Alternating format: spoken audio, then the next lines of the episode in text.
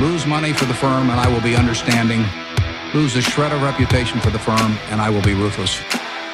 I welcome your questions.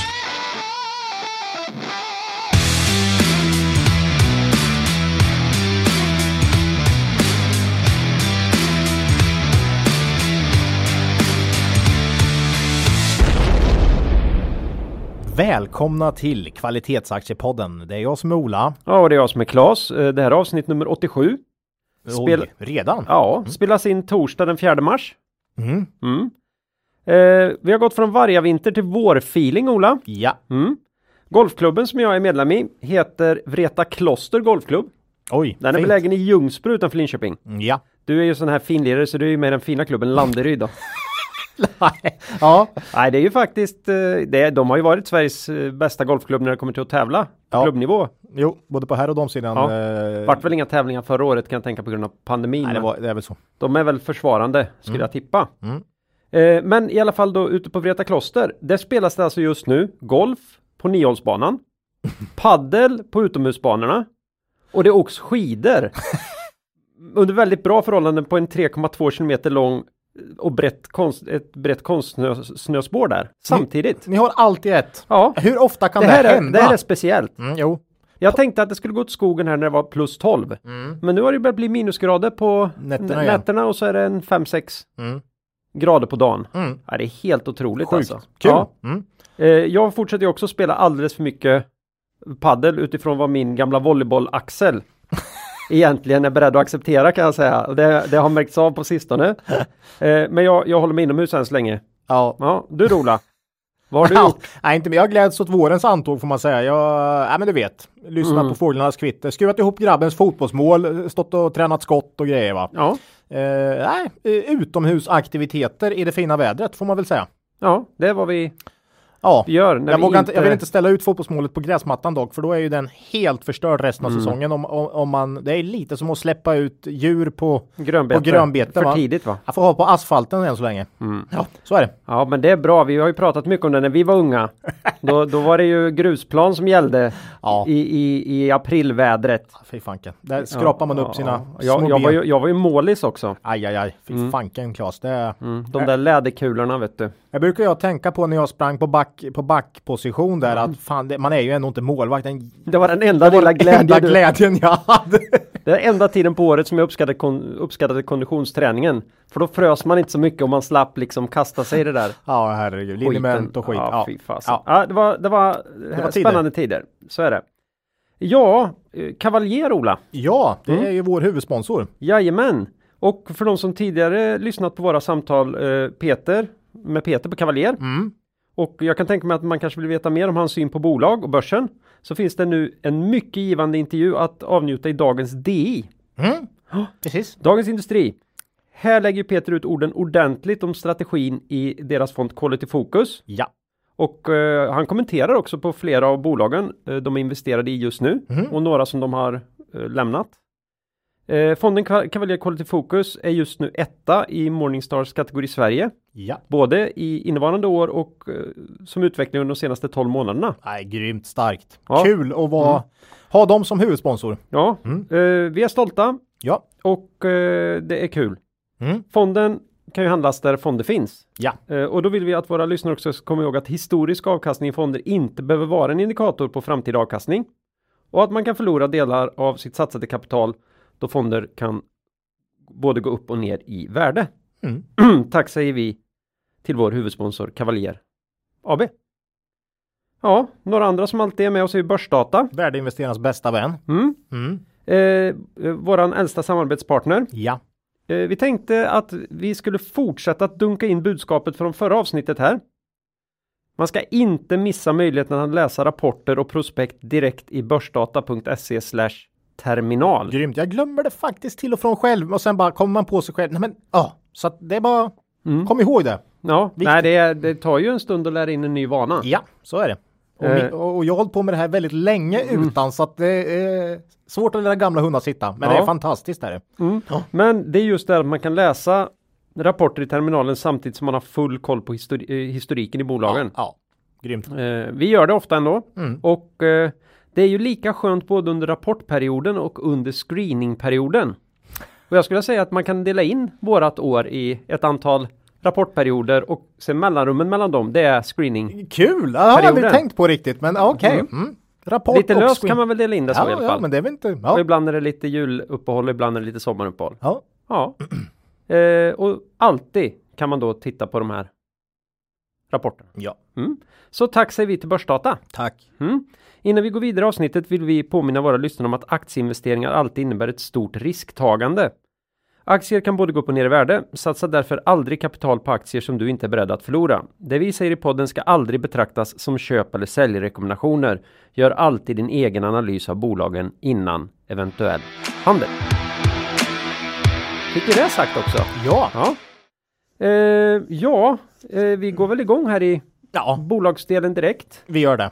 Vi hade väl inget sånt där super Nej. superaktuellt. Vi tittade lite grann på eh, den här urstarka. Vi pratade lite grann om hur, hur stark börsen har varit. Mm. Det fortsätter väl att hicka till lite ibland, svaja lite. Ja, vad man kan konstatera är väl faktiskt att en del av de här eh, högt värderade techbolagen och lite ESG-vinnare från senaste året har tappat en del Mm. på sistone. Så att mm, jag tror Tesla var ner 25% på någon månad sådär. Så att eh, lite har det hänt där. Mm. Vi får se om det fortsätter, men vi bryr oss ju inte särskilt mycket om, om, eh, om det, Nej, som alla vet. nej, men det är ju svallvågor Det blir vad det blir. på, på börsen i stort också. Ja. Det där så att, eh, ja. Nej, vi, eh, vi krafsar ju i andra änden, änden på spektrumet. Ja, eh, tråkbolagen blir det idag här. Mm. Ja, Ja, som vanligt. Och eh, vad börjar vi med? Ja, idag, jag misslyckades ju kapitalt senast. Ja. Så jag hoppas, jag hoppas, hoppas att få till det här. Men eh, jag tänkte Fagerhult. Ja, det, Det här, har är jag ju, med. det här är ju belysningslösningar för miljarder. Var med senast i avsnitt 78. Men det är alltid, jag skrev det för de är alltid lite större Fagerhult. än vad jag tänker. Ja. När jag ser Ja, håller med. Fagerhult framför mig så, så ser jag inte den omsättningen de nej, har riktigt. Nej. nej, jag håller med. De är lite större än vad man tror. Tror. Mm. De är ju från småländska lilla Habo Mm. i norra, nordvästra Småland va? Där har jag utstått mycket volleybollförnedring genom åren. De hade ju en oerhört eh, stark årgång då i I, volleyboll. ja, 76, 77, 78 där. Det Ja, var, du spelar Floby va? Ja, Mm. det var ja. hårt. Floby Habo, det var liksom eh, de här riktiga antagonisterna eller? Ja, på den tiden var det ju det i våran, i våran ålder och sen även tyvärr senare i elitseriesammanhang också då. Ja, ja. Eh, ja du är ju en gammal volleybollräv. Jo, så är det. Ja, nej, Fagerhult här då, från Habo. Mm. Eh, här var det ju fortsatt eh, tydligt påverkad marknadsaktivitet här från covid-19 tyvärr i, eh, i slutet på året. Mm. Har ju varit tufft år för Fagerhult. Eh, mm, ett av de bolag som har drabbats hårdast faktiskt, tycker jag. Både omsättning och orderingång minskade med 15% under Q4 med. Mm. Det fortsatte. Eh, lönsamheten justerad för engångsposter var ungefär där den legat på senaste kvartalen, men det är ju sämre än det historiska snittet. Eh, ljuspunkterna, fattar du? Mm, mm, mm. Eh, var Jag är väl med. att, Ja, det var... ljuspunkterna var väl att orderstocken vid utgången av kvartalet var högre än eh, motsvarande tidpunkt Ja. förra året, samt att kassaflödet, precis som hela året varit väldigt starkt. Så har det varit för många bolag. Eh, bolagets balansräkning här och det här starka kassaflödet är ju det som har förbättrats under året och Mm. eh, man har minskat kostnaderna med, jag tror man skrev 16 procent under året. Eh, så Fagerhult har väl ett bra utgångsläge kan jag tycka nu om det nu eh, försäljningen vänder upp igen här. Du Mm. vet man brukar slimma i lågkonjunktur och sen när det vänder upp så hinner man inte med att öka kostnaderna så fort va? Nej. Eller hinner med men det blir inte så utan då kan det bli en ganska bra effekt på, på lönsamheten. Ja, man har rensat upp lite grann här. Ja, och så vänder eh, omsättningen och så blir det en, en dubbel effekt då. Eh, man är väldigt försiktig här fortsatt eh, med, i sina uttalanden om, eh, om framtiden. Man säger till och med att man inte vill lämna några framåtblickande uttalanden om resultatet Mm. på grund av eh, ja, läget. Eh, och man förväntar sig att orderingången fortsatt kommer påverkas negativt under en tid. Man är, man är väldigt ganska försiktig här får jag säga. Man säger också att man planerar för en långsam återhämtning, så det var inte så här. Det här kommer... Det, nej, det var inte klang och jubel här eh, Nej. direkt i bokslutet. Eh, planera för en långsam återhämtning. Va, vad kan det innebära då för året här framåt? Jo, eh, låt säga att man tapp, fortsätter tappa omsättning under H1. Eh, Inte så mycket som förra året, men lite grann och sen att man ökar under andra halvåret, för då har du ju väldigt lätta jämförelsetal helt plötsligt. Och eh, man kan väl tänka sig att pandemin också har spelat ut Ja. lite mer då. Ja, så att jag tror att fortsätta tappa lite under våren här och sen vänder det. Så att summa summarum gissar jag på en plus 5% i omsättning. Tapp i vår och sen tvåsiffrig tillväxt i höst. Summa Mm. summarum 5 gissar jag på.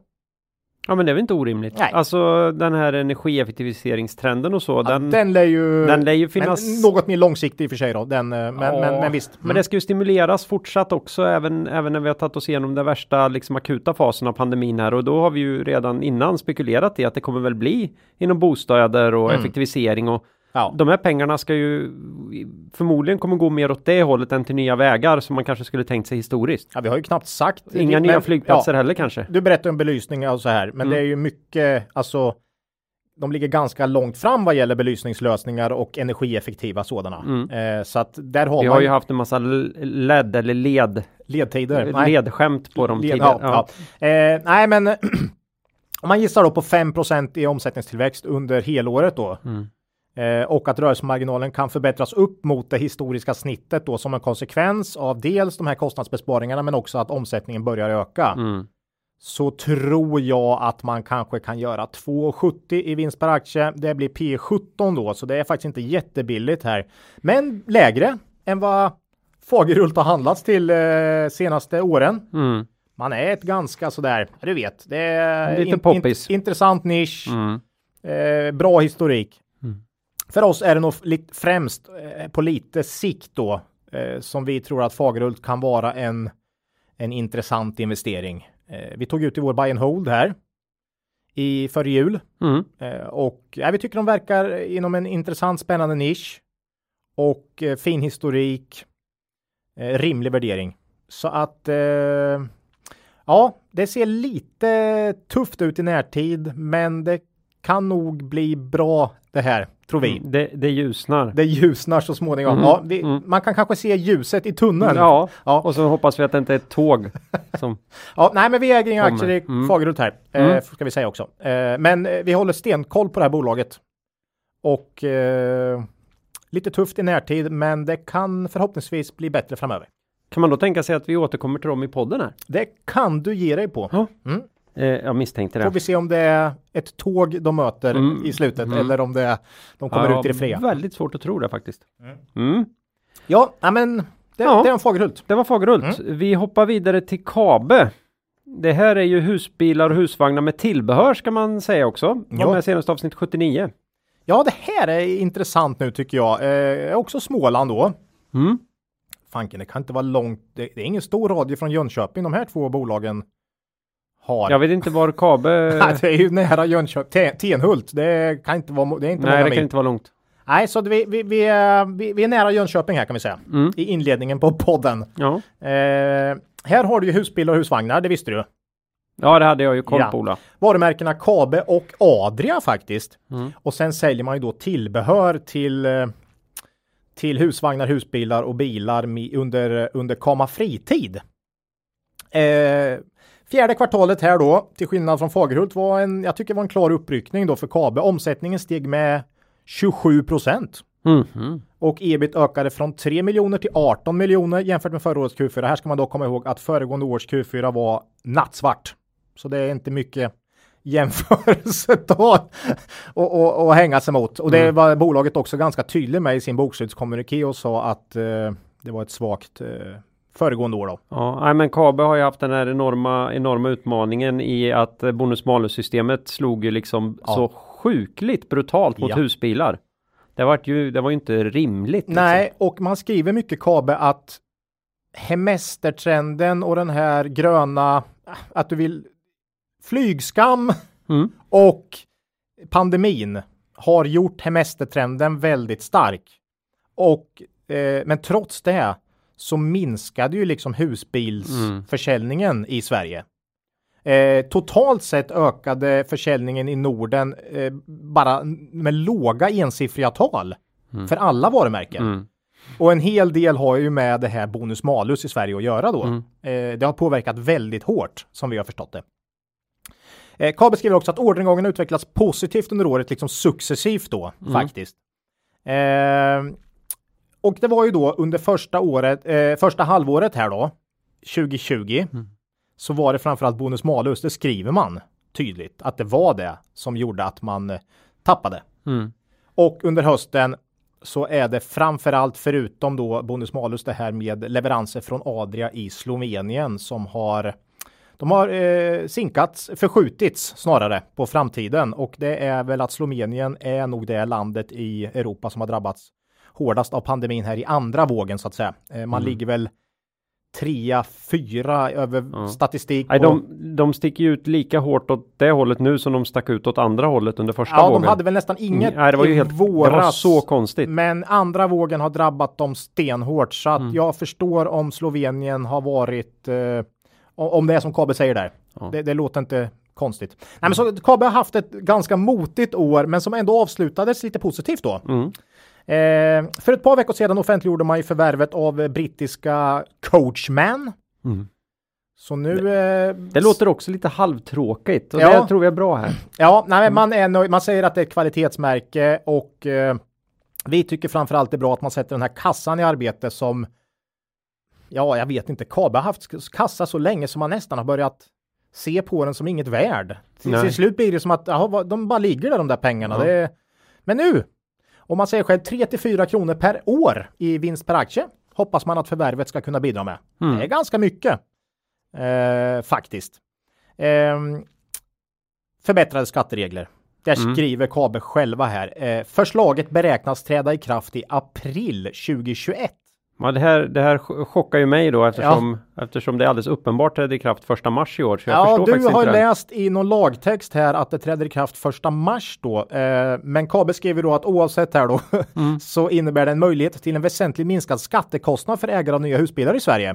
Vilket borde påverka efterfrågan positivt skriver man. Eh, Ja. vi får väl Så se. nu, det här kommer också vara eh, viktigt för digitalisering i de äldre åldersgrupperna. För att få, för att få ordning på det behöver man ju nu skaffa sig eh, Ja, är det Trafikverkets app misstänker jag. Kan inte du? Och så sitta och hålla Mm. på och, och sen får man ställa av och ställa på sin husbil. Ja, Men förr så var det 15 dagars karens. okej. det Så det. när du var ute och reste, det gick liksom inte att lösa, men åker du ner och ställer dig någonstans och vet att du ska stå där en eller två veckor, då är det ju väl värt.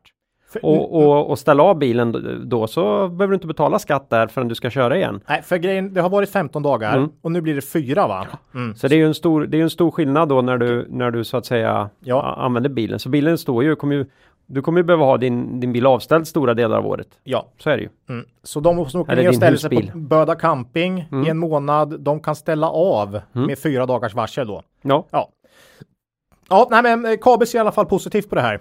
Eh, och det kan man ju tro i och med att det fick en sån tydlig effekt åt andra, åt andra hållet när det infördes här då. mm. Eh, ja här har ju politikerna lyssnat. ja, det verkar så ja. Mm. Eh, och, men det är ju inte alltid. Nej, det var förvånans, förvånande måste man säga. Ja, ja. Hur, hur eh, lyhörda och rimliga man var. Sen, Ja, lö, det- lösningen är udda, men att man på riktigt ändå försöker hjälpa till att lösa ett problem man har varit med och skapat. Men man kan inte ta bort flygresandet och sen ska man inte få semestra. Det finns så mycket här på något sätt. Jag vet inte. Eh, Eller om du nu har en bil då som inte alls har den här skatten och sen drar du en jättetung husvagn efter den och släpper ut oändligt mycket mer och, och det påverkar inte din skatt Nej, ett jävla något. Det Nej, blir nej. bara dumt. Det blir bara dumt. Det blir bara dumt. ja. Eh, nej, men så, så, så är det. Eh, en lite intressant detalj här när vi pratar Kabe. ma- Det blir ju ofta man fokuserar på husvagnarna och husbilarna här. Mm. Eh, Kabe och Adria. Men du har ju faktiskt det här Kama Fritid också. Du har ju snackat lite om det här, men det här är ju tillbehör då till husvagn, Jag husbilar. och- hoppas inte att vi har nämnt det här i podden förut. Jag tror inte det. Eh, Men Nej. nej. För vi har gjort den här själva i alla fall en gång och Ja. vi tänkte ta den i podden nu. Mm. Det är en lite rolig grej här nämligen. Eh, det är ju tillbehör. Komma fritid ja. Komma fritid till husvagn, husbilar och bilar. De har Mm. Ja, det, vi kan tänka oss att det är takboxar, cykelhållare, Ja. andra typer av sån utrustning som man monterar på. och, och in, sina stä, fordon. städdetaljer Mm. in till husvagn. Allt, allt möjligt. Ja. Allt du kan tänka dig för att kunna eh, ha ett, eh, ett husbils husvagnsliv. Mm. Liksom. Eh, och det här tycker vi är en ganska fin och lite bortglömd del av Kabe. Det är 300 miljoner i omsättning. Mm. Och det här tror man på väldigt fint med cirka 10% knappt 10% årlig omsättning. Mm. Men väldigt sällan man tappar här för att oavsett om det säljs nya eller gamla husbilar så saker går ju sönder och du måste alltid Mhm. byta ut grejer Mm. och du vill köpa nytt. Så att här har du en väldigt stabil och fin tillväxt. Ja. Eh, och här säger Kama Fritid då i Q4. Efterfrågan och ordervolym är initialt fortsatt stark in i 2021. Eh, och vi har ju konstaterat att Kama Fritid har en hel del likheter med Thule. Ja. De här takboxarna och, och det här liksom.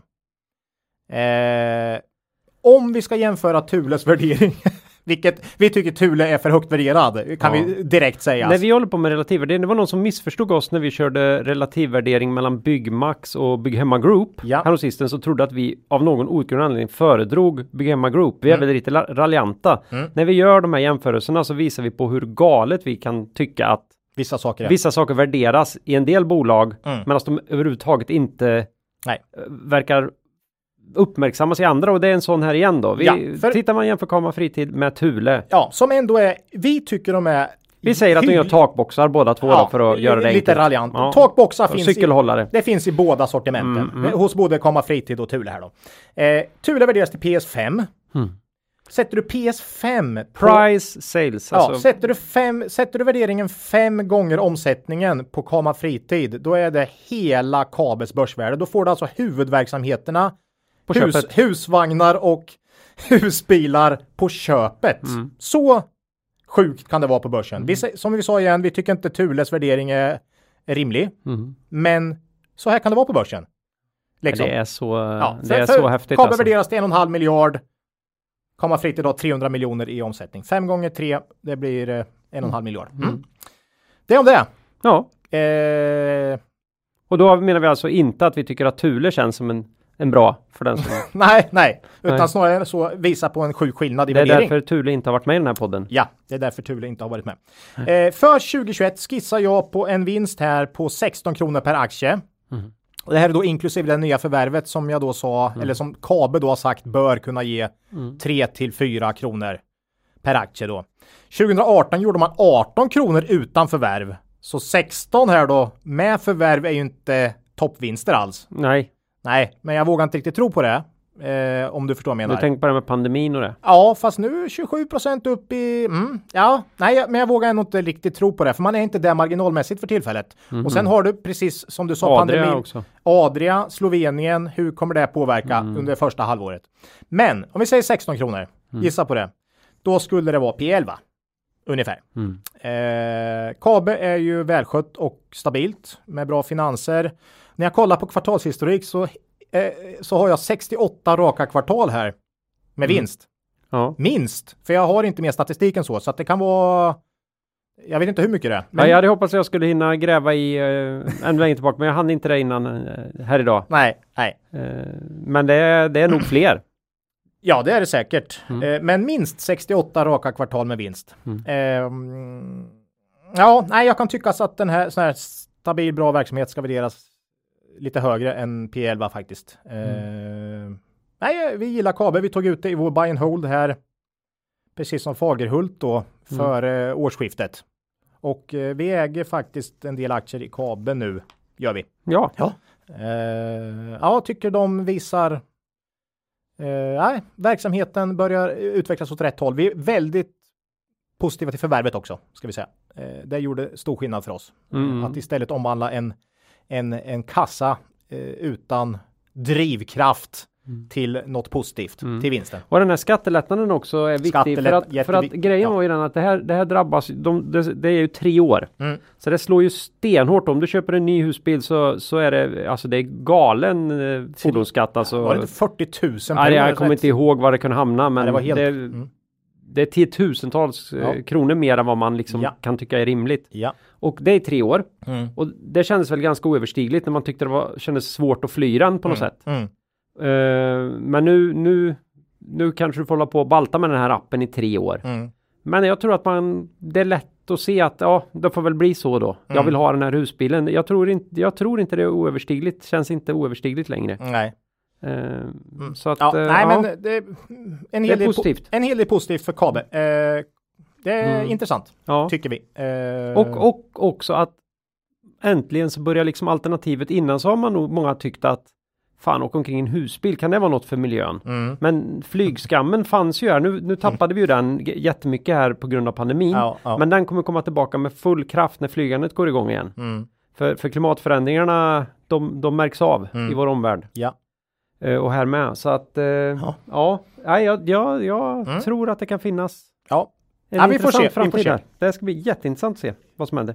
som sagt, vi har- hade med KB i Mm. buy and hold och sådär. Mm. Eh, hoppas det eh, fortsätter utvecklas fint. Mm. Mm. Eh, bra. Mm. Vi går vidare Ja, mm. till ett bolag som jag lovat att vi skulle ta upp här, Scanfil. var det de du missade sist och Ja. skulle ha in förra gången? va? Ja, för att jag, jag missförstod ju, trodde att du skulle göra en ny heads-up med Kitron där och sen Ah, hade ah. du ändrat dig Ja, Okej. och jag, ja, nej vi behöver inte ens gå in på det. Nej, Vi släpper den. vi släpper det. Var, det. Var, det var så dumt så. Det var så dumt. Ja. Det här var ju alltså Sveriges bidrag i vårt kontraktstillverkar Battle då. Finlands. Finlands eh, från avsnitt ja, 70 76. kan vara. Ja. Mm. Eh, det var ju sven svenska Note, Note. Note. Man vill ju. Kitron ett- från Norge och så Scanfil. Och nu tar vi. Scanfil. De andra har vi pratat om relativt nyss här då. Ja. Eh, och ja, jag vet inte hur har det gått för dem i pandemin här egentligen? ja, hyggligt ändå. Eh, har det faktiskt. Mm. Eh, jag tyckte det kändes som dags att kolla till dem. Jag vet i alla fall att de har gått starkt på börsen. Mm. Så att vi gör en, eh, en, eh, en koll på vårt eh, bidrag från vårt grannland i öst här då. Mm. Hur många förresten anställda tror du Finland, eller Scanfil har i Finland? Fy Av sina anställda? Hur stor andel Ja, som är i Finland? mm, för man säger att det är ett finskt bolag. Nu, då antyder du att det inte är så speciellt Ja. många och jag tänker att Finland ändå har en, en stolt tillverkningstradition, 25 procent. 10. Nej fy fan. Det, är, jag skulle, det låter nästan bara som det är som det är eh, vad heter det? Ja, Kontors, tjän, tjänstemän. tjänstemän då. Mm. Polen 36, Mm. Kina 16, Estland 14, Sverige till och med högre med 11. Ja, ja det här är ett, det här är ett nordeuropeiskt eh, bolag. Ja, verkligen. Mm. Nja, Skamfil Q4 var väl inte direkt någon sån här kioskvältare får jag säga. Eh, omsättningen stod stilla och resultatet sjönk. Eh, justerat för engångskostnader för nedstängning av en anläggning i Tyskland så var dock resultatet något bättre än föregående år. Eh, Skamfil har ju klarat sig hyggligt. Hela branschen faktiskt har klarat sig hyggligt under pandemin. Det vet vi. Vi har kollat Note och, och Kitron också. Mm. Eh, här tycker jag det är lite svårare på kort sikt. Eh, man släpper en outlook för 2021. Där tror man på en tillväxt på 5% för 2021, så ganska modest. Ja, det var ju försiktigt. Ja. Eh, och så guidar man på resultatet och det ger en vinst per aktie på 0,5 euro per aktie ungefär.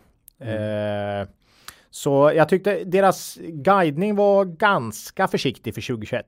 Kan också ha, man skriver också att det är svårt att göra prognoser och sådär. Mm. Eh, sen har man ju långsiktiga finansiella mål på 2023. Och då säger man 700 miljoner euro i eh, omsättning med en rörelsemarginal på 7% och eh, att det ska skapas organiskt. Organiskt innebär en tillväxt på 5% per år så att det är liksom 5% per år man ser framför sig. Mm. Men så skriver man också förvärv kan tillkomma så att den totala tillväxten skulle kunna bli 10 kanske per år. Det är lite beroende på om man får till något. Det var ju inte hur balansräkningen ser ut i och för sig. Hygglig, Hygglig, absolut. Ja. Ja. Det är fullt möjligt. Eller bra, Alltså. bra. Ja, då jag är det fullt möjligt. Ja. Mm.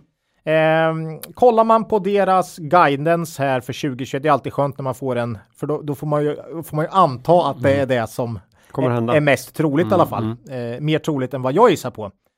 Så motsvarar det P15 och det är, mycket på grund av att Scanfil har gått 30% upp här då. På se, sen vi pratade, ja, på tre månader. Mm. Eh, så Som det, så mycket annat. från P12 till 15. Mm. Så P15 och det, det är klart högre än vad Scanfil har legat. De har legat många år på 9, 10, 11 i PE. Nots. man måste ju komma ihåg det att de här kontraktstillverkarna, det finns ju alltid en skräck. Vad händer i nästa lågkonjunktur? Ja, Och nu verkar det vara överspelat på ja. något sätt. Nej, nu är P15. Jag tycker Mm. nog att de skulle kunna värderas till P15. Om jag kollar på historiken, vad de kan göra framåt och Mm. vad de säger med organisk tillväxt och förvärv och så vidare. Mm. Eh, men du har ingen margin of safety då i dagsläget om det nu värderas till Mm. P15. Så eh, ja, nej, eh, Scanfil får, eh, får bida sin tid lite här. Mm. Eh, inte tillräckligt bra och värderingen har kommit upp med 30% på ganska kort tid. Mm. Så eh, svårt att hitta margin of safety här. Men kolla, fortsätt kolla på det här bolaget, alla ni som är intresserade av kontraktstillverkare, för det är ett, vi tycker det är ett intressant bolag. Mm. Um, Vi ja, fortsätter att ha dem under lupp. ja, vi äger inga aktier i Scanfil då. Mm. Nej. Mm. Du försökte, ju- ville ju försöka få med en ordvits här om huruvida deras rykte var något skanfilat men det, vi fick inte till den. Ja, då Jag tog ändå den du- Ja, jag, jag var tvungen. Jag, jag, var, jag trodde du skulle försöka få ändå smita in den men nej, nej du, är ju, du, är, du är ju bättre på att hålla på det än vad jag är så att Ja, ja, så är, så är det. Nej, finska skamfil. ja. Eh, ja, kan, Note, har också gått väldigt starkt på börsen. ja, Eh, verkligen. Kitron är väl det som har gått sämst av de här tre på börsen i alla fall. Mm, Mm. mhm. Får vi se när vi summerar 2021. Mm. Norr, norrmännen, Mm. eh, de är som de är. Mm. Mm. Eh, ett annat bolag, Ola, det är ju Drake Analytics. Ja, Ja, som uh, åter är med och sponsrar podden i det här avsnittet. superkul. Mm. Och eh, Drake är ju det här bo- bolaget som ser till att andra bolag inte bara hänger med i digitaliseringsvågen utan också utnyttjar många fördelar som digitalisering och kontroll av data kan innebära. Mm. Eh, och vill man förstå mer av vad det här är eller om man är i den här svängen så är det så här att Drake Analytics ska eh, håller tillsammans med Click och Siemens Energy ett gratis webbseminarium om process mining. Det pratade vi om Ja. i, eh, med Per i, i förra avsnittet. Mm. Den 18 mars. Oj. Mm. Och här kommer eh, Siemens kommer eh, visa analys av en kundorderprocess. Det låter tungt. Ja, Mm. men, men kan vara roligt. Ja, man ska Intressant. visualisera då med hjälp av det här eh, verktyget MPM i, i ClickSense. Ja. Och eh, det här är ett flöde som startar i en offertförfrågan i eh, CRM-systemet och avslutas i levererad kundorder från affärssystemet. Briljant. I deras fall är det SAP, vad jag Mm. förstått. Ja. Vill man använda sig till det här så kan man besöka Drakes hemsida www.drakeanalytics.se. Mm. Mm. Om ni missade Youtube-videon där vi eh, screenade aktier med data från börsdata i ClickSense förra eh, avsnittet tillsammans med Per så hittar man den på Drakes hemsida Ja. och det finns även en länk på vår hemsida. ja. Eh, sen då Ola, Ja. Drake, Mm. de söker ju duktiga medarbetare Ja, det är klart. och till hösten startar de därför även ett trainee-program. Nej, vad Jo, du. kul! Så är Oj. du civilingenjör, Mm. systemvetare Ja. eller har en relevant IT. Jag ser på dig att du är sugen här Ola. Nej, är men det jag- läge, jag- jag- börsen är Jag för jobbig nu? Ja, jag tänkte på, jag tänkte tillbaks på när man själv eh, var i färd med att söka sitt första jobb. Eh, då hade man gärna velat söka Drake. Ja, för Mm, det är lite kul. Mm. För Per berättade ju det för mig här att eh, IR som du är Ola, Mm. det är helt rätt utbildningsbakgrund. Jaha, Mm. oj. Och kontaktuppgifter för det här hittar man också där på Drakes hemsida. Ja, det är klart. Mm. Mm. Och så vill vi eh, slutligen här tipsa om Drakes podcast Drake Talks. Ja, Och var tror man hittar den då Ola? ja där poddar finns. Och på deras hemsida. Jaha, härligt! Ja, Ja. så tack säger vi till Drake Analytics. Stort tack. Nu hoppar vi vidare till börsbolag då. Mm. För där är inte Drake än riktigt. Men Inte det kommer riktigt nog. Det kommer nog. Ja. Eh, SJR. Mm. Detta sorgebarn. Ja, Ja, Mm. eh, de hyr ut och rekryterar till bank och finans. De Ja. hade det ju tungt redan innan pandemin Ja. ska vi komma ihåg. För det är, många, det är så lätt Mm. att tro att allt skit kommer från pandemin. Ja. Men det, så är det inte här. nej. Men nu måste det väl ändå vända snart. Har inte varit med sedan avsnitt 69. Ja, det är hårt. Ja, Det är hårt. Rekrytering och uthyrning mot finans, HR, IT och supply chain skriver man själva här. ja, de försöker bredda nu. Ah. De, är, de är desperata. här. Nej. Ja, nej, men de har haft det tufft. Alltså, Ja. 2020 blev första året sedan 2009 som SCR tappade omsättning. Man har ju en bra historik alltså, men precis, alltså, Mm. ja, så, så att det var första året och precis som då sjönk marginalen ner till låga ensiffriga tal. Ja. Det är ju inte, det är ju inte mumma för eh, Nej. resultatet på sista raden nu. Nej, Nej. Eh, man har haft det tufft under året, men precis som du sa eh, så har man faktiskt haft det motigt i ända sedan mitten, slutet tjo- 2018 skulle Mm. jag säga. 2019 var inte bra alls. Det är väl lagom sen senast jag försökte äga det här bolaget. Ja, du var väl inne en sväng i, i Wise också va? Eh, Om jag kommer Nej, ihåg vi- rätt. Vi, vi, nej, vi släpper det. Varför Nej. har vi med den här typen av bolag ens Ola? Ja, eh, omsättningen är föll med 15% under 2020 för SCR Mm. och ebit-marginalen landade på 4,2% Det är ju rejält under det historiska snittet på 9. Mm. Nej, det har inte varit ett roligt år för SCR. Man ska komma ihåg här att rekrytering då som utgör 10-15 procent Mm. av omsättningen har högre marginal än Mm. eh, uthyrning. Mm. Och eh, där har man tappat mer så det förklarar också en del av det här marginaltappet Mm. då. Det är inte många som har velat Där har ju garanterat pandemin hjälpt till förvisso. För det Eller förstört. Ja, förstört Mm, alltså. förstört. Jag menar Mm, förstört. ja. Hjälpt, hjälpt till att dra ner siffrorna Ja, här. ja. Eh, Eh, Nej, men så, så 2020. Det var inget roligt. Men ska det, de få re, reason of doubt eller vad säger man här? Alltså är det ett förlorat år ändå på något sätt? Ja, det känns lite som det. I somras lämnade jag också grundaren Per eh, och Gunro över posten här som vd till Kent Sangler. Så det är mycket nytt i bolaget. Själv tog han ju ordförandeposten då, så det är inte mer dramatik än så. Mm. Lex Phoenix Outdoor då? Ja, och Lex eh, Enea. Mm. Det finns många som har gått den vägen. Eh, ja, men det här blir spännande för Gun, eh, och Gunro har ju som sagt grundat och suttit jättelänge som vd och har den här han är ju sån här eldsjäl, driv, drivande va. Eh, ska bli spännande att se hur det här går. Mm.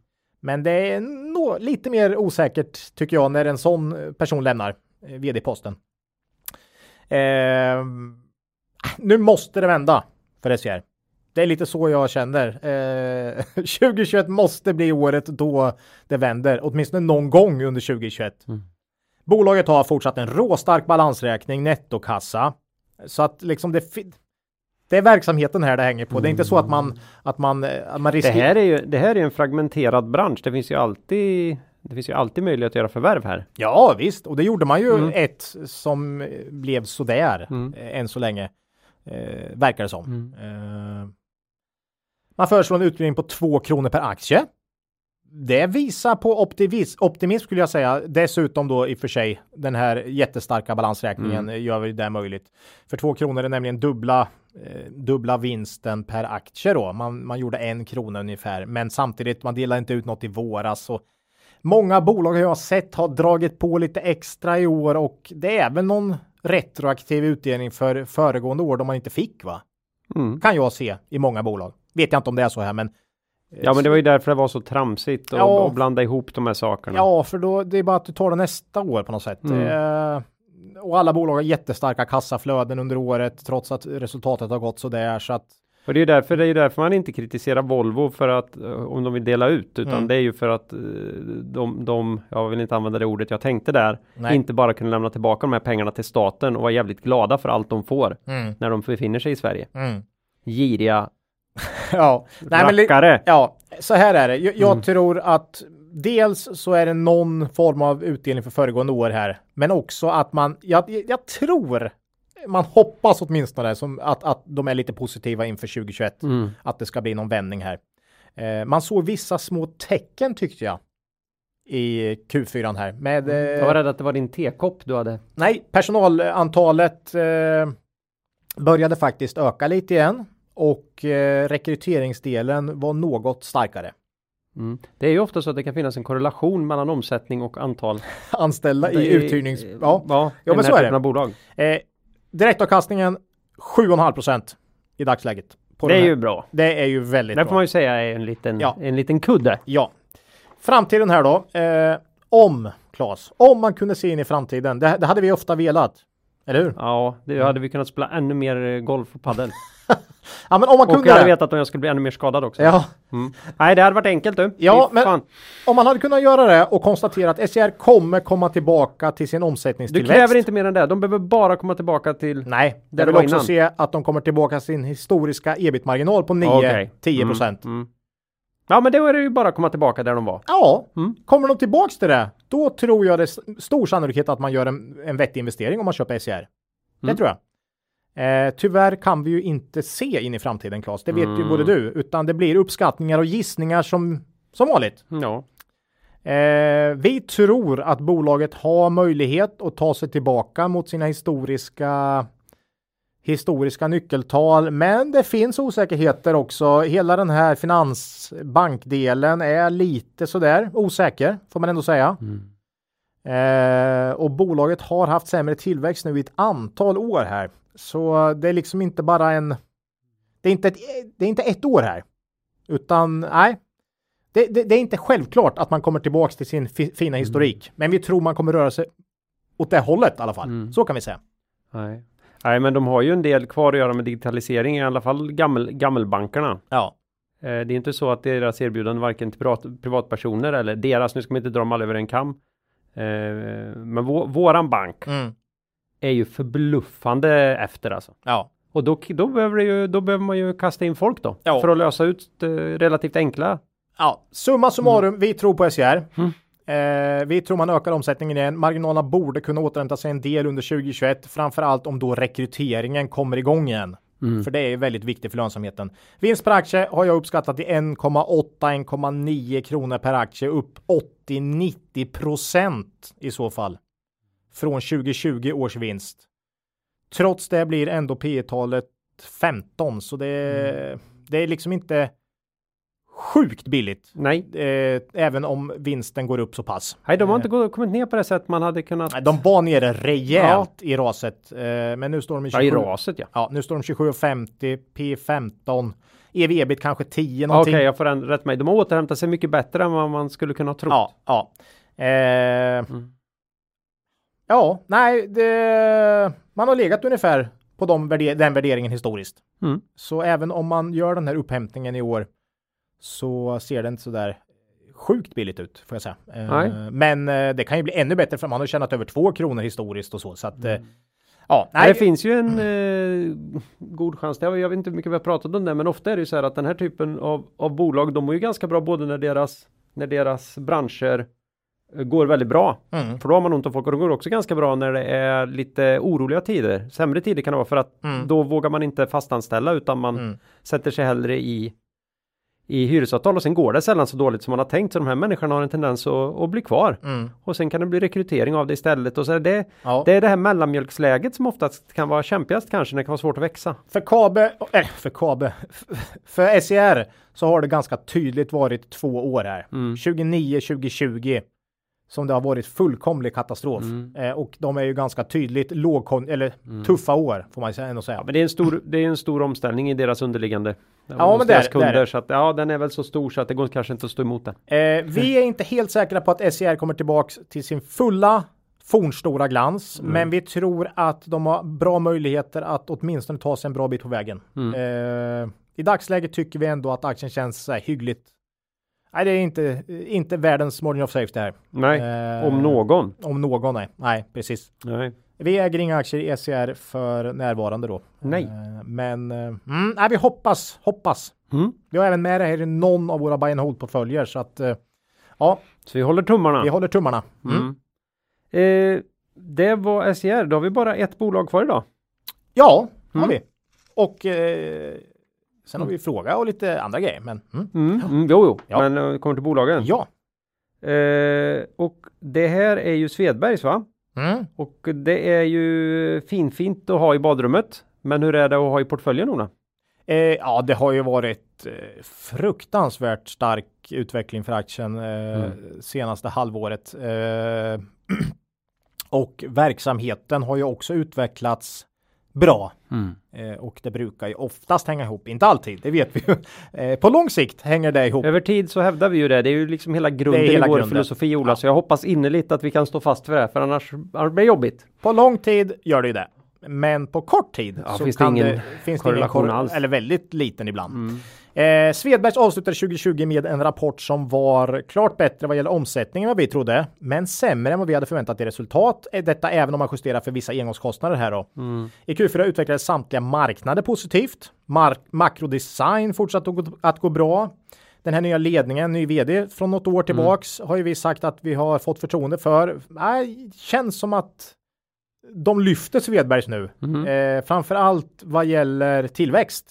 Men även effektivitet och lönsamhet. Nej, bra. Svedbergs är på gång mot något bra här, tror vi. Eh, man föreslår återinförd utdelning här då som många andra. Man slopar ju den i våras. Man fick ju inte, helt enkelt. Nej. Nej. Eh, 1,25 föreslår man här. Eh, styrelsen föreslår 1,25 ja, direktavkastning på knappt 3 procent. Mm. Eh, kolla det här ABG Introduce gör ju gör ju prognoser. Är det, är det uppdragsanalyser på de här? Nej. Uppdragsanalyser, ja, Mm. precis. De hade 3,47 i vinst per aktie för 2021. Det var lite mer än vad jag trodde. Jag tror på 3,25. Eh, där, så att hyggligt nära ändå. Men eh, ja, 3,25 motsvarar en ökning med 40 procent i vinst per aktie under 2021. Så då, då, då ska man komma ihåg att de har gjort ett danskt förvärv här också. Mm. Så det är en stor del i, i den i vinstutvecklingen faktiskt. Eh, ja, Svedbergs har ju gått upp 80 procent sedan i somras ungefär. Mm. Så att eh, det är mycket. Eh, vi på kurs 43, vad skulle det ge för PE på 3,25? Jo, det ger PE 13 ungefär. Mm. Eh, det är ungefär där vi tycker Svedbergs bör ligga om man håller sin historiska ensiffriga tillväxt. Eh, I alla fall när man har nettoskuld på 200 miljoner som man har nu då. Mm. Eh, om Svedberg framåt lyckas liksom leverera på sin långsiktiga finansiella mål, det vill säga 10% tillväxt, om den här nya ledningen kan Mm. snäppa upp Svedbergs, då tror vi att aktien har mer att ge här. Eh, faktiskt. Det, den skulle kunna värderas högre i så fall. Mm. Eh, vi har dock valt att sälja här senaste tiden för eh, mm, nej, vi tycker det känns fair. Fair value nu Ja, tycker vi. de är, Och aktien är- upp 80 det, det gör mycket för Ja. vår värdering här. Ja, men de är ju någon slags pandemivinnare här också. Lite så. Jag vet, eh, vet lite grannar där som, nej, nu verkar det inte bli något lätt att resa i sommar heller. Nu river vi ut badrummet här och gör mm. den. Ja, nej, men visst Det är de. har man ju levt mycket på här alltså. Ja, visst. Eh, Mm. Vi gillar Svedbergs. Vi tycker nog fair value i dagsläget är ungefär Mm. här. Eh, men lyckas man med den här att tillväxtsatsningen och man Mm. börjar leverera 10% årlig tillväxt, ja då, då tycker jag faktiskt att P13 är, är lågt. Så att, eh, ja. Ja, med den tillväxten ja. ja. ja. ja. Så att lyckas de med det så, Mm. så kommer vi nog ångra att vi, Vi sålde. att vi sålde. Mm. Och så kan det vara ibland. Men nu, nu tycker vi ändå allt vi har så tycker vi hyggligt fair value på Svedbergs efter rusningen. Mm. Mm. Vi får ju of- ofta ångra oss eh, för, att vi, för att vi har sålt. eh, För tidigt. Men eh, vi glömmer bort att vi ofta är jättenöjda med det nya som vi satte pengarna i. Ja, så är det. Så är det. Så är det. Så att, Ja. ja. det brukar inte vara något stort problem. Nej. Det var Svedbergs. Mm. Och Det bolag vi gillar. Ja, och då tycker jag det här är som en given, en given övergång in i, eh, I veckans fråga. i veckans fråga. Ja. För då skulle man ju kunna tänka sig att, för vi har fått den här frågan på lite olika sätt och det var en diskussion för lite länge sedan nu nästan på Twitter om det här. Mm. Varför vi som upplevs av många går ur för tidigt. Många upplever ju att nu har vi hittat ett case här via kvalitetsaktiepodden. Det första vi får reda på är att de idioterna har sålt och nu sitter jag här och har tjänat först, ja. fem, 50 procent här och, Ja. och de, de fegisarna vill inte vara med på den här fantastiska fortsatta resan i Svedbergs här. Vad är det med dem? Mm, mm. Eh, och, och vi fick ju också förslaget på för vi menar på att när bolagen uppnår den potential vi ser på lite sikt, Mm. då säljer vi. Och kanske till och med lite grann innan de har uppnått potentialen, för det kan man ju inte säga säkert att de ska göra. Nej. Eh, förslaget var att vi skulle börja använda så kallad glidande stop loss. Mm. Alltså en stop loss man sätter, alltså en, en funktion som finns hos, på, på, hos handlarna. Mm. På din, Avanza till exempel kan Mm. du ta bara, Nordnet. Eh, där du då säger att går den ner så här mycket, då sä- sälj Mm. åt mig. Och sen så flyttas den med automatiskt. Flyttas den ju med uppåt då. Mm. Så vi har ju aldrig använt den här. Jag bara ut, jag tittade på det då. Eh, Mm. Jag utgår från att den sätts i procent eller? Ja, det kan du nog sätta. Under Ja. dagskursen. Ja, eller satte man den i absoluta tal under dagskurs? Vet Jag kommer faktiskt inte ihåg, men den är glidande så att, så att din stop loss följer med upp då. Jag har aldrig... I teorin. Jag har, ja, Mm. I teorin, för det är ju teori, då utgår du från att en aktie bara fortsätter att gå upp. ja, jag har aldrig använt stop loss. Så att där... Grunden här är ju att nej, vi använder inte glidande. Det är det tråkiga svaret. Ja. Men varför gör vi inte det för då? Mm. Eh, Ett är ju för att eh, vi bestämmer inte när vi säljer. Det är ju någon annan som gör just själva säljjobbet här. Det är inte jättebra ofta på small och midcap aktier att sätta stopplosser med volatila aktier, låg likviditet. Du kan smälla ner ganska rejält vissa dagar och så kanske din stopploss utlöses. Och har du dessutom en hel del aktier då kan det bli ganska Rejält ner. brutala grejer som händer. Eh, dessutom Man så kan är ju vara så, med i en sån... eh, Nej, det- eh, nej men man, det kan ju bli en sån här... eh, eh, Alltså stopplosser som utlöser varandra. Ja, man ser ju snöbollseffekt. det, Mm. snö, snöbollseffekt va? mm, mm. Eller dominoeffekt kanske är Ja, bättre. Mm. Det, det är ju en av förklaringarna såklart. En annan är ju just varför, annars ska vi ligga kvar. Annars blir ju kontentan av att vi ska börja använda det här är att vi måste ligga kvar i aktien efter vi uppnått vår riktkurs. Mm. För när vi uppnår vår riktkurs, ja då säljer vi. Ska vi kunna använda stopplosser så måste vi ju eh, chansa på att aktien går upp mer och sen sätta stopploss 5-10% under. Det vill säga vi måste glida Mm. med aktien uppåt om det nu fortsätter uppåt. Mycket kommer väl det här i den typen av marknad vi är i nu. Ja. För då tycker man att, ja men titta hur marknaden är här. Ja, men... Då måste man ju komma ihåg att så som marknaden är nu Mm. är oftast inte marknaden. Mm, Oftast är marknaden inte alls så här. Jo, har man varit på börsen i ett år eller ett och ett halvt. mm, Ja, då kanske marknaden ser ut att vara så här. mm. Men så här är inte marknaden. Nej. Det, det räcker ju bara att titta på lite statistik så kan man se att Eller så gör man så, Mm. säger ju då liksom, du har uppnått din motiverad kurs. Du sätter en stopploss, 5% är för tight i de här små. Mm. nej, det går inte. Det 10, går inte. 10 Så, procent så ner. säg 10% ner. Ja, men då ska du vara beredd att du tappar 10% på din eh, motiverade värde. Och som uppenbarligen uppnått också. Ja, som är uppnått. Mm. Du ska vara beredd att tappa de 10% mot att du chansar på att den uppnår ett värde som du inte tycker är fair. Ja, som du inte förstår varför den Som ska du inte ha. förstår varför den ska ha. Alltså vi är inte beredda att göra den. Vi- bara för att någon, någon man, man gör världens mest enkelspåriga tekniska analys och bara drar ut en trend. Nej, eh, vi tycker det är gambling och det, det, det hänger inte ihop med vår strategi helt enkelt. Ehm, vi är inte beredda att tappa de 10 procenten mot att eventuellt få Det 10 skulle säkert gå att hitta något scenario någonstans där vi sitter och är lite svettiga inför en rapport där vi ser att det finns massor med utfall här som skulle vara fruktansvärt positiva. Men det finns också ett, Mm, något enstaka mm, där man, där man känner att nej, vi kan inte kvantifiera det här. Det här känns för jobbigt, men det känns ändå ganska osannolikt. mm.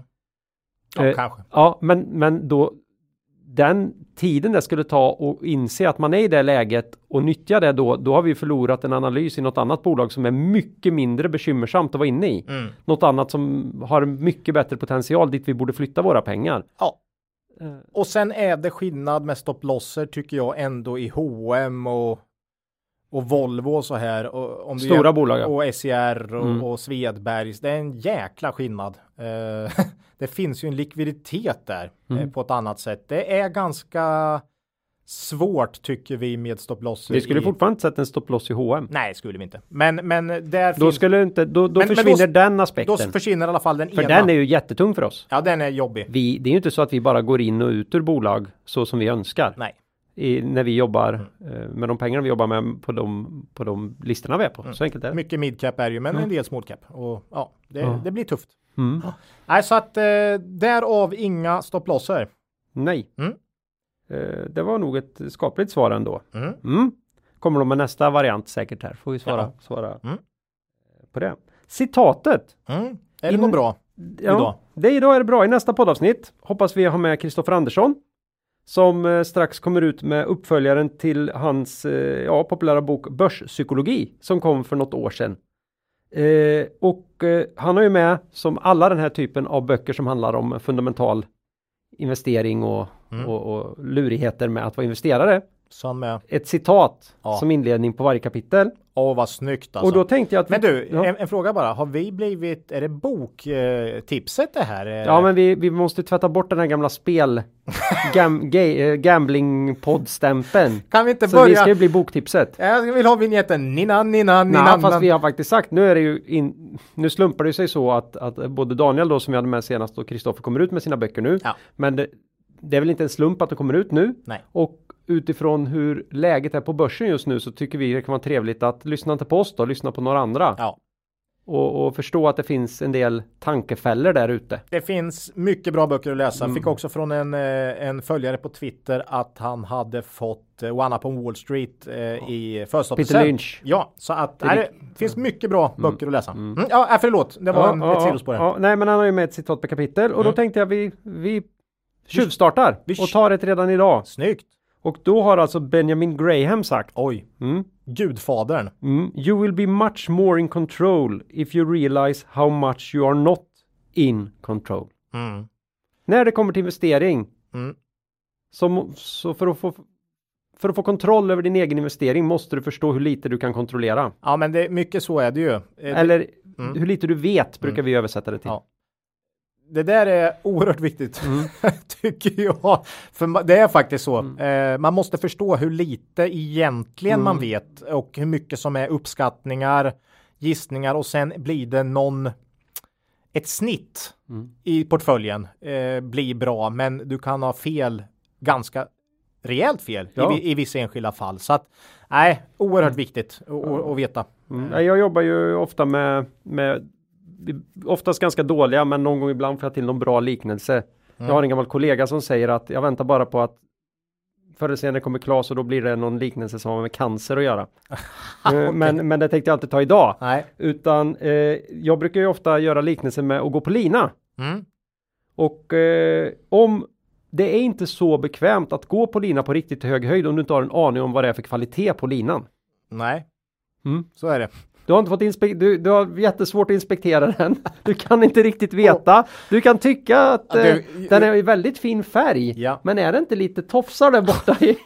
Ja, Du- hur högt vill du då spänna upp den linan? Ja. Och det är väl det jag upplever att många gör. Många går på linor som är Väldigt högt upp. Och väldigt, väldigt, högt upp. Ja. Mm. Och dessutom ser linorna på skyddsnätet också lite halvtaskiga ut kan jag tycka. I verkliga livet kan jag säga, jag skulle inte gå på en lina som var helt felfri, även om, beroende på hur jag det är väldigt höjdrädd. så- Ja, men en halv meter kan du väl gå på? ja, jo, Det är det, det går. vi försöker göra. Vi Ja. försöker gå på, 20 på centimeter en höjd så att vi faktiskt ska klara oss ganska bra. från ett fall, ja. Ja. Ja, det är ju så. Eh, och Buffett har väl sagt, jag försöker inte hoppa två meter i höjd, jag försöker Nej. hoppa 20 centimeter Ja. väldigt många gånger. Ja. Ja, det är lite så vi Lite försöker. så också. Så att, ja, nej, man måste acceptera att det är alltid väldigt mycket man inte vet och det kan hända mycket saker eh, som som man inte som man inte kan Ja. kontrollera eller förstå.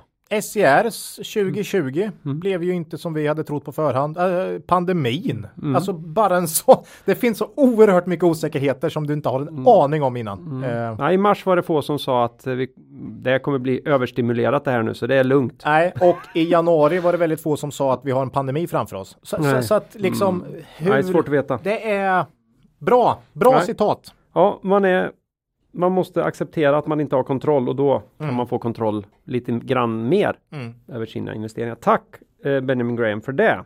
Tack. Eh, ja, vi hade ju en tävling vet du Ola. Ja, den var mastig ja, va? Oh, ja, eh, Daniel eh, Chang som eh, vi hade med förra. Mm. En investment, en investment thinking toolbox. Han gav ju sex av våra lyssnare chansen att vinna en bok. In, vinna en sån här bok. Om Ja. de skickar in ett mail till oss Mm. Och, eh, och tävlade. Har vi fått in några mejl? 124. 124 mejl. Det tycker jag ändå är ganska bra. Ja. Mm. Och av dem har du slumpat eller?